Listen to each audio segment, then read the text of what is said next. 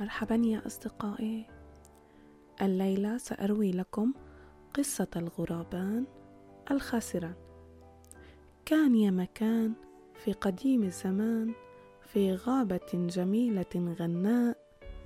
سمعت الحيوانات صوت شجار غرابين واقفين على غصن شجرة عال. فقدم الثعلب المكار وحاول أن يفهم سبب شجارهما. وما أن اقترب أكثر حتى سأل الغرابين ما بالكما أيها الغرابين؟ فقال أحدهما اتفقنا على أن نتشارك قطعة الجبن هذه بعد أن نقسمها بالتساوي لكن هذا الغراب الأحمق يحاول أن يأخذ أكثر من نصيبه. فابتسم الثعلب وقال أمم إذا ما رأيكما أن أساعدكما أنا في حل هذه المشكلة؟ وأقسم قطعة الجبن بينكما بالتساوي.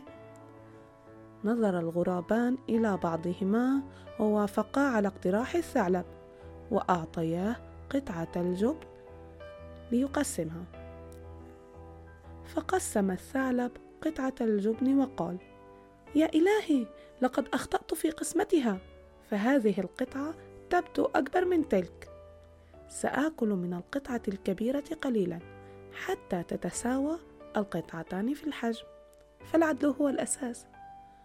وفعلا أكل الثعلب من القطعة الكبيرة قضمة حتى أصبحت أصغر من الأولى فاعتذر للغرابين على خطئه وقرر أن يأكل من القطعة الأولى حتى تصبح متساوية مع الثانية.